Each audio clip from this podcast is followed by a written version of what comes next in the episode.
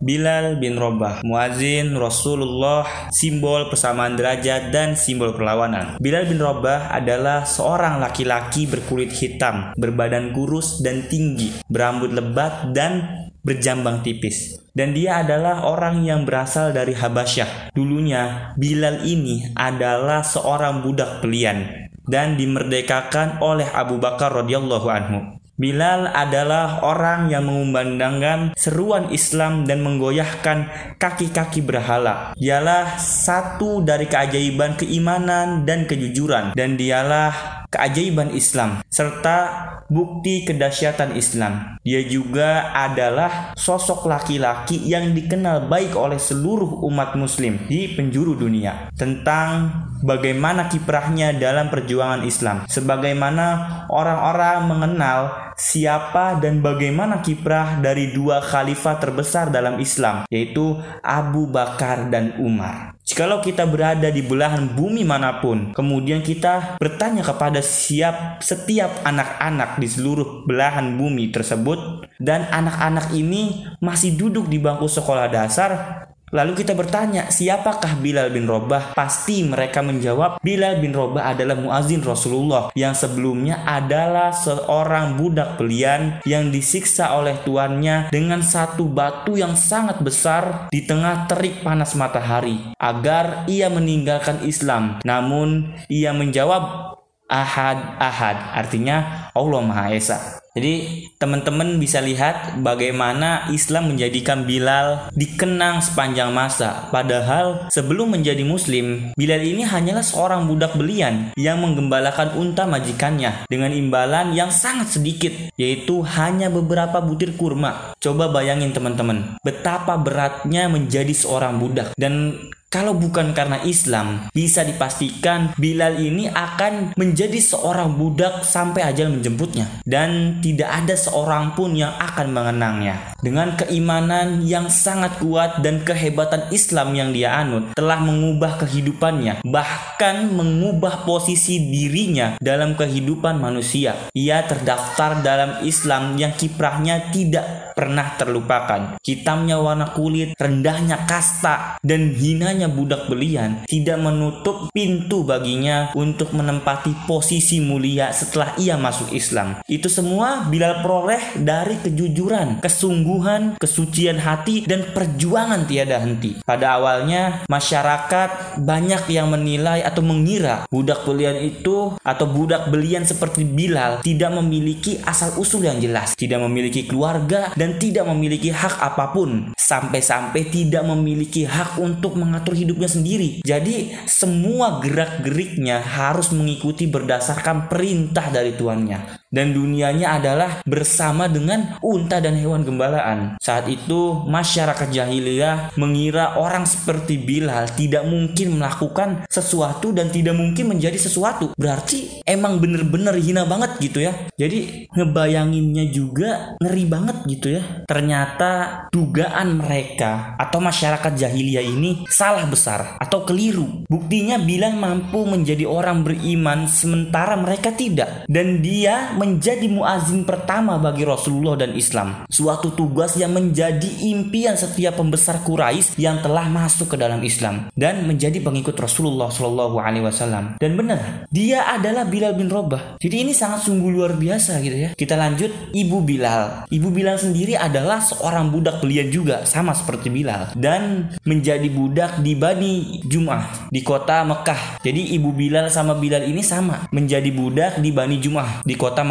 Kehidupan Bilal tidak berbeda dengan budak lainnya. Hari-harinya berlalu dengan hampa dan Bilal mulai mendengar tentang Muhammad ketika orang-orang Mekah mulai membicarakannya, terutama Umayyah bin Khalaf. Dia adalah salah satu tokoh pembesar kaum Quraisy sekaligus menjadi tokoh utama di Bani Jum'ah di tempat Bilal mengabdi. Sering banget Bilal mendengar Umayyah membicarakan Rasulullah dengan pembicaraan yang penuh kebencian, kemarahan dan prasangka buruk. Meskipun pembicaraan Umayyah ini penuh dengan kebencian dan kemarahan, namun gambaran tentang Muhammad dan agama barunya ini bisa ditangkap oleh Bilal karena yang Bilal lihat Muhammad dan agama barunya ini mengajarkan hal yang berbeda dengan kondisi masyarakat saat itu. Bilal juga menangkap bahwa Umayyah dan para pembesar lainnya mengakui kemuliaan dan kejujuran Muhammad Shallallahu Alaihi Wasallam. Bilal juga mendengar ketakjuban dan kebingungan mereka menyikapi agama baru yang dibawa Muhammad. Jadi ada yang bilang atau berpendapat bahwasannya Muhammad itu tidak pernah berdusta. Muhammad bukan tukang sihir. Muhammad tidak gila. Namun kita harus menuduhnya sebagai pendusta, tukang sihir dan orang gila agar masyarakat ini tidak berlomba-lomba mengikuti agamanya. Jadi sebenarnya Nabi Muhammad Wasallam ini dituduh sama mereka, sama para pembesar kaum Quraisy. Jadi Bilal yang mendengar mereka membicarakan sifat-sifat Muhammad yaitu yang bersifat jujur, selalu menepati janji, pribadi yang luhur, berakhlak mulia, berhati bersih dan cerdas. Masya Allah, sungguh luar biasa kepribadian Rasulullah ini. Semoga kita juga bisa ya sedikit demi sedikit agar bisa berkepribadian seperti beliau. Dan yang didengar lagi oleh Bilal adalah mereka berbisik-bisik tentang kebencian mereka kepada Nabi Muhammad SAW. Mereka juga khawatir akan lunturnya kemuliaan Quraisy di mana pada saat itu Quraisy menjadi pusat agama dan peribadatan di tanah suci. Dan mereka juga merasa iri kepada Bani Hashim karena apa? Karena nabi baru ini muncul dari kalangan Bani Hashim, bukan dari kabilah mereka gitu ya. Bukan dari kalangan Bani Hashim. Suatu hari Bilal mendapat cahaya ilahi, hatinya tergetar oleh sentuhan cahaya itu. Lalu Bilal datang kepada Rasulullah dan masuk Islam. Berita keislaman Bilal pun tersebar luas dan diketahui oleh Umayyah bin Khalaf selaku majikan Bilal saat itu dan Umayyah merasa sangat malu, seakan mendapat tamparan keras di wajahnya. Karena budak beliannya ini telah masuk Islam dan Umayyah berkata dalam hatinya, "Huh, tidak mengapa. Tunggulah sebelum matahari terbenam. Pasti keislaman budakku ini sudah terbenam lebih dulu." Eh, tahunya ketika matahari sudah terbenam, tapi tidak diikuti dengan terbenamnya keislaman Bilal. Justru sebaliknya, di masa yang akan datang nanti, ketika matahari terbenam, sembari membenamkan berhala-berhala jahiliyah dan para pemujanya. Kiprah Bilal dalam sejarah kehidupan bukan hanya kemuliaan bagi Islam, tapi bagi seluruh umat manusia. Bilal telah mampu menghadapi berbagai macam siksaan dengan penuh kesabaran dan ketangguhan tiada tara. Seakan Allah menjadikan Bilal sebagai simbol teladan bahwa hitamnya kulit dan statusnya sebagai budak belian sama sekali tidak menghalangi kebesaran jiwa ketika jiwa telah mengenal Tuhannya dan mengetahui apa yang harus dilakukannya. Sekarang berkaca pada diri kita masing-masing. Sudah sejauh mana perjuangan kita dalam menegakkan kebenaran? Yang mana ujian yang kita terima tidak seberat ujian Bilal. Dan semoga kita selalu senantiasa berusaha memperbaiki diri. Amin. Lanjut ke cerita, Bilal telah memberikan banyak pelajaran kepada orang-orang di zamannya dan di setiap zaman bahkan baik kepada orang seagama ataupun tidak seagama.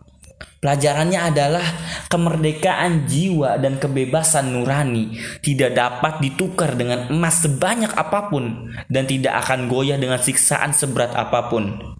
Tanpa baju dan celana panjang, Bilal dibaringkan di atas bara dengan tujuan agar Bilal ini meninggalkan agamanya. Namun tetap Bilal menolaknya dan Rasulullah juga telah menjadikan budak Habsyi ini jadi budak Habsyi itu budak yang berasal dari Habasyah adalah Bilal sebagai teladan bagi umat manusia. Bilal dibaringkan di atas pasir yang telah berubah menjadi pasir neraka yang sangat panas. Lalu ditambah lagi ditindihin sama batu yang besar. Yang mana batu ini juga sangat panas teman-teman. Siksaan kejam dan biadab yang mereka lakukan atau orang-orang kabilah Jum'ah lakukan secara berulang-ulang setiap harinya Sampai-sampai beberapa algojo juga merasa kasihan dengan Bilal. Sebenarnya Bilal bisa aja pura-pura memuji berhala supaya selamat dari siksaan itu.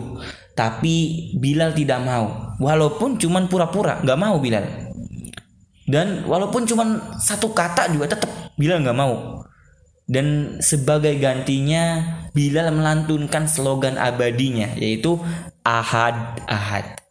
Para algojo berkata, sebutlah Tuhan Lata dan Uza. Namun Bilal tetap menyebut ahad-ahad. Dan konsekuensinya Bilal harus tetap menahan teriknya matahari dan panasnya batu padang pasir yang berat. Ketika sore hari batu itu dilepas dan Bilal diikat di tiang kayu. Lalu mereka nih para algojo ini menyuruh anak-anak untuk melempari batu ke arah Bilal. Tapi hebatnya Bilal tetap mengatakan ahad, ahad, ahad. Di malam harinya mereka kabilah Jum'ah memberikan tawaran kepada Bilal dengan tawaran begini. Besok kamu harus mengatakan yang baik-baik kepada Tuhan-Tuhan kami. Katakanlah, Tuhanku adalah Lata dan Uza, maka kami akan melepaskanmu, kata orang kabilah Jum'ah. Tapi Bilal malah menggelengkan kepala dan berkata, Ahad, Ahad. Umayyah pun sangat marah sekali ya dan geram. Kemudian memukuli Bilal dan berkata, kesialan apa yang kamu bawa untuk kami? Hai budak celaka, Demi Tuhan Lata dan Uza akan aku jadikan kamu sebagai contoh bagi bangsa budak dan majikan-majikan mereka. Dengan hati yang teguh dan suci. Bilal tetap menjawab ahad, ahad. Masya Allah. Tawar menawar pun terus berlangsung sampai ada tokoh yang lain. Jadi tokoh dari kabilah Jum'ah yang lain ini berpura-pura kasihan kepada Bilal. Mereka bilang, Umayyah, lepaskanlah dia. Demi Tuhan Lata, dia tidak akan disiksa lagi. Bilal adalah bagian dari kami dan ibunya juga. Kemudian Bilal menatap satu persatu wajah para pendusta itu dengan tajam. Dan dengan senyuman indahnya dia berkata dengan sangat tenang dan berwibawa mengucapkan ahad, ahad, ahad.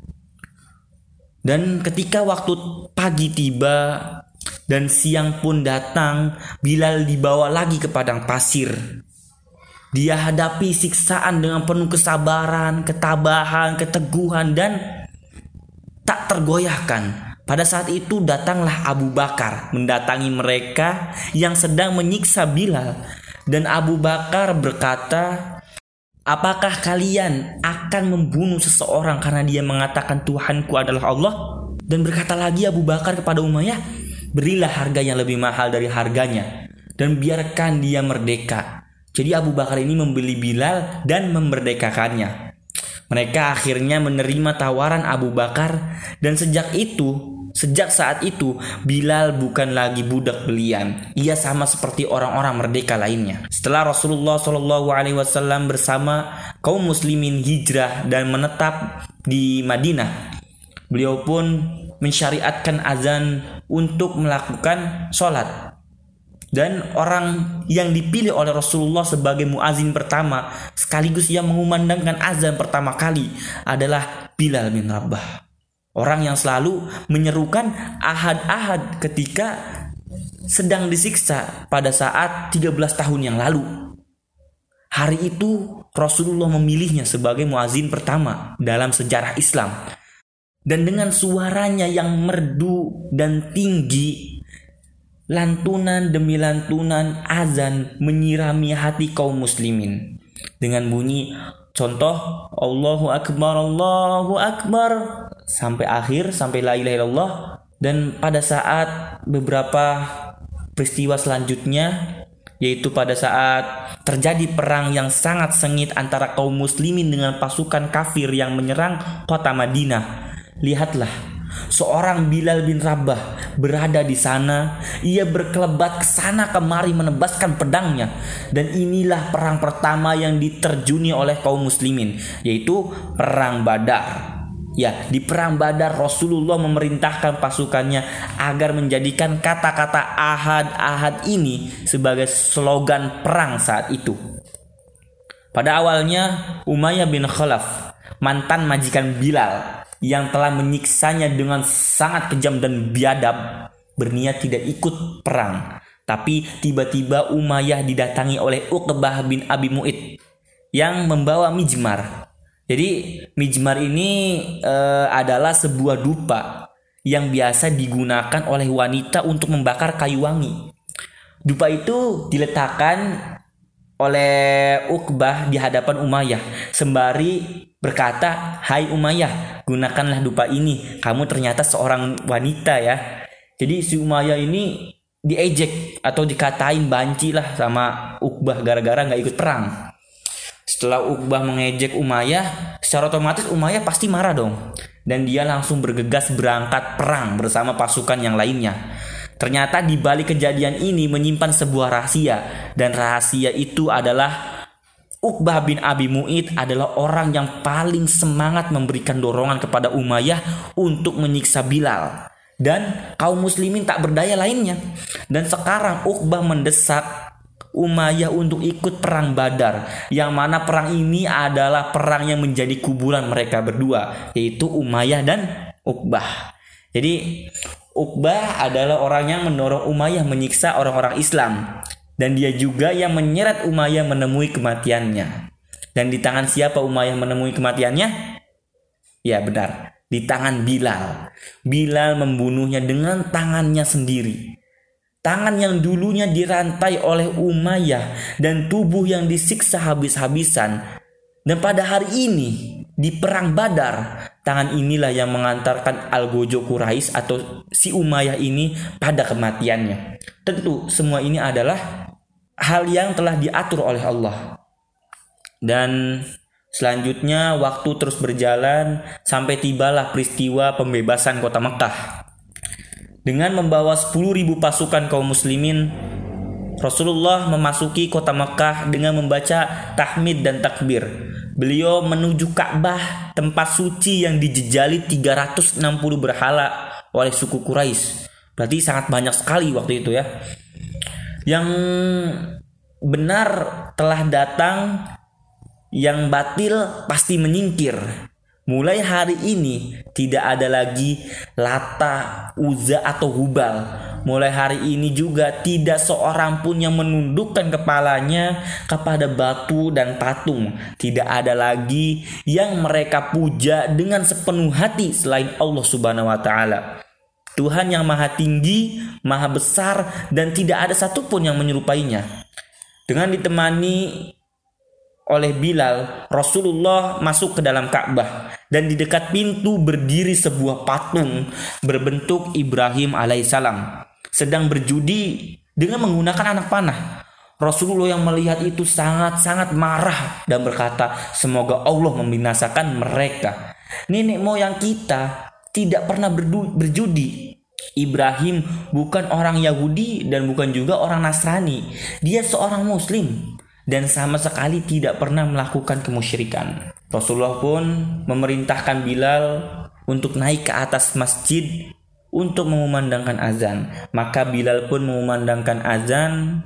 Sungguh pada saat itu adalah saat-saat yang paling mengharukan. Coba kita rasakan pada saat kejadian itu kita berada di tengah-tengah kejadian itu dan ikut serta menyaksikan. Sungguh sangat luar biasa teman-teman. Sementara itu, orang-orang kafir yang berada di rumah mereka masing-masing masih tidak percaya dengan kejadian ini. Dan banyak yang mengeluarkan berbagai macam pertanyaan. Inikah Muhammad dan orang-orang miskin yang menjadi pengikutnya yang kemarin kita usir dari kota ini? Betulkah dia Muhammad? Dan pengikutnya yang sudah berjumlah sangat banyak? Pertanyaan demi pertanyaan terus mengusik kepala mereka. Sementara itu ada tiga orang bangsawan Quraisy sedang duduk dekat Ka'bah. Mereka tampak terpukul menyaksikan Bilal menginjak-injak berhala mereka. Lalu mengumandangkan azan yang menembus seluruh penjuru Mekah bagai tiupan angin di musim semi. Ketiga orang itu adalah Abu Sufyan bin Had dan dia sudah masuk Islam beberapa saat yang lalu. Kemudian ada Atob bin Usaid dan Harith bin Hisham. Keduanya belum masuk Islam. Dengan mata tertuju ke Bilal yang sedang mengumandangkan azam, Atab berkata, Tuhan telah memuliakan Usaid dengan tidak mendengarkan seruan ini agar tidak mendengarkan sesuatu yang dibencinya. Dan Haris juga berkata, Demi Tuhan, jika aku tahu Muhammad itu benar, sungguh aku akan mengikutinya. Lalu Abu Sufyan berkomentar atas perkataan mereka berdua ini. Aku tidak berkata apa-apa katanya. Karena jika aku mengatakan sesuatu, pasti kerikil ini akan menyebarkan perkataanku. Kemudian ketika Nabi meninggalkan Ka'bah, beliau melihat mereka bertiga dan beliau memperhatikan sejenak mereka dan dengan tatapan penuh cahaya ilahi dan kemenangan, beliau berkata, "Aku tahu apa yang kalian ucapkan." Dan beliau memberitahukan apa yang mereka ucapkan. Tiba-tiba Haris dan Atab berkata, "Kami bersaksi bahwa engkau adalah utusan Allah. Demi Tuhan, tidak seorang pun mendengar ucapan kami hingga kami menuduhnya telah bercerita kepadamu." Dan sekarang cara tatap mereka, pandangan mereka terhadap Bilal telah berubah. Di hati mereka bergema kalimat yang mereka dengar dalam khutbah Rasulullah ketika memasuki kota Mekah yaitu hai orang-orang Quraisy Allah telah melenyapkan kesombongan jahiliyah dan bangga pada nenek moyang. Semua manusia bermula dari Adam dan Adam diciptakan dari tanah. Akhirnya bila melanjutkan hidupnya bersama Rasulullah Shallallahu alaihi wasallam dia ikut ambil bagian dalam setiap peristiwa penting. Ia menjadi muazin. Ia juga ikut menghidupkan dan menjaga syiar-syiar Islam, agama besar yang telah menyelamatkan dirinya dari kegelapan dan perbudakan. Islam semakin tinggi, begitu juga kaum muslimin dan semakin hari Bilal semakin dekat dengan Rasulullah Shallallahu Alaihi Wasallam yang menjulukinya sebagai laki-laki penghuni surga. Namun Bilal tetaplah Bilal ia tetap berhati mulia dan rendah hati. Ia tetap melihat dirinya sebagai orang Habsyi yang kemarin hanya seorang budak belian. Suatu hari Bilal pergi meminang dua wanita untuk dirinya dan untuk saudara laki-lakinya. Bilal berkata kepada ayah dua wanita itu, Aku Bilal dan ini saudaraku. Kami dua budak Habsyi. Dulu kami berada dalam kesesatan, lalu Allah memberikan hidayah kepada kami. Jika Bapa menerima pinangan kami, maka segala puji bagi Allah. Jika Bapa tidak menerima, Allah adalah Tuhan yang maha besar. Setelah kejadian itu, tibalah waktu Rasulullah wafat. Dan tanggung jawab memimpin kaum muslimin telah beliau bebankan kepada Abu Bakar As-Siddiq. Suatu hari Bilal menghadap Khalifah Abu Bakar dan berkata, "Wahai Khalifah, Rasulullah pernah bersabda, amal perbuatan seorang mukmin yang paling utama adalah berperang di jalan Allah." Khalifah berkata, "Lalu apa yang kamu inginkan?" Bilal menjawab, "Aku ingin tetap bergabung dengan pasukan perang hingga syahid." Khalifah berkata lagi, "Lantas siapa yang menjadi muazin?" Dengan menangis, Bilal menjawab, "Aku tidak akan menjadi muazin setelah Rasulullah wafat." "Tidak, engkau harus tetap di sini menjadi muazin," kata Abu Bakar. Bilal berkata, "Jika sewaktu menebusku engkau ingin menjadikan aku budak, maka aku akan menuruti kemauanmu." Namun, jika penebusan itu karena Allah, maka biarkan aku bebas memilih. Khalifah menjawab, "Aku menebusmu karena Allah." Sejumlah ahli sejarah menyebutkan bahwa setelah itu Bilal pergi ke Syam menetap di sana dan ikut serta bergabung dalam pasukan Islam. Dan sejumlah ahli sejarah lainnya menyebutkan bahwa Bilal menerima tawaran Khalifah Abu Bakar dan menetap di Madinah. Setelah Abu Bakar wafat dan Umar diangkat menjadi penggantinya, Bilal meminta izin untuk pergi ke Syam. Apa pun yang terjadi, Bilal telah menazarkan sisa hidupnya untuk berperang di jalan Allah. Tekadnya telah bulat untuk mengakhiri hidupnya berjumpa Allah dan Rasulnya saat ia melakukan amal perbuatan yang paling disukai Allah dan Rasulnya. Bilal tidak mau lagi mengumandangkan azan karena setiap kali ia mengumandangkan asyhadu anna muhammadar rasulullah maka kenangan lamanya akan bangkit kembali dan suaranya tertelan oleh kesedihan yang membuatnya tidak bisa menahan tangis dan Bilal mengumandangkan azan untuk yang terakhir kalinya adalah saat Khalifah Umar berkunjung ke Syam dan pada saat waktu sholat tiba kaum muslimin memohon pada khalifah agar menyuruh Bilal mengumandangkan azan walau hanya sekali. Akhirnya Bilal mengiyakan dan dia naik ke atas menara dan mengumandangkan azan. Para sahabat yang pernah hidup bersama Rasulullah menangis terseduh-seduh karena teringat masa-masa bersama dengan Rasulullah terutama Khalifah Umar. Dan setelah beberapa saat ke depan akhirnya Bilal menemui ajalnya yaitu Bilal wafat di Syam, di medan jihad seperti apa yang dia inginkan di tanah Damaskus. Jasad laki-laki agung ini akhirnya dikuburkan. Dari kisah ini kita bisa mengambil banyak begitu pelajaran yang berharga dan semoga kita bisa sama seperti Bilal dalam memperjuangkan agama Allah dan memiliki karakter tangguh sepertinya. Amin.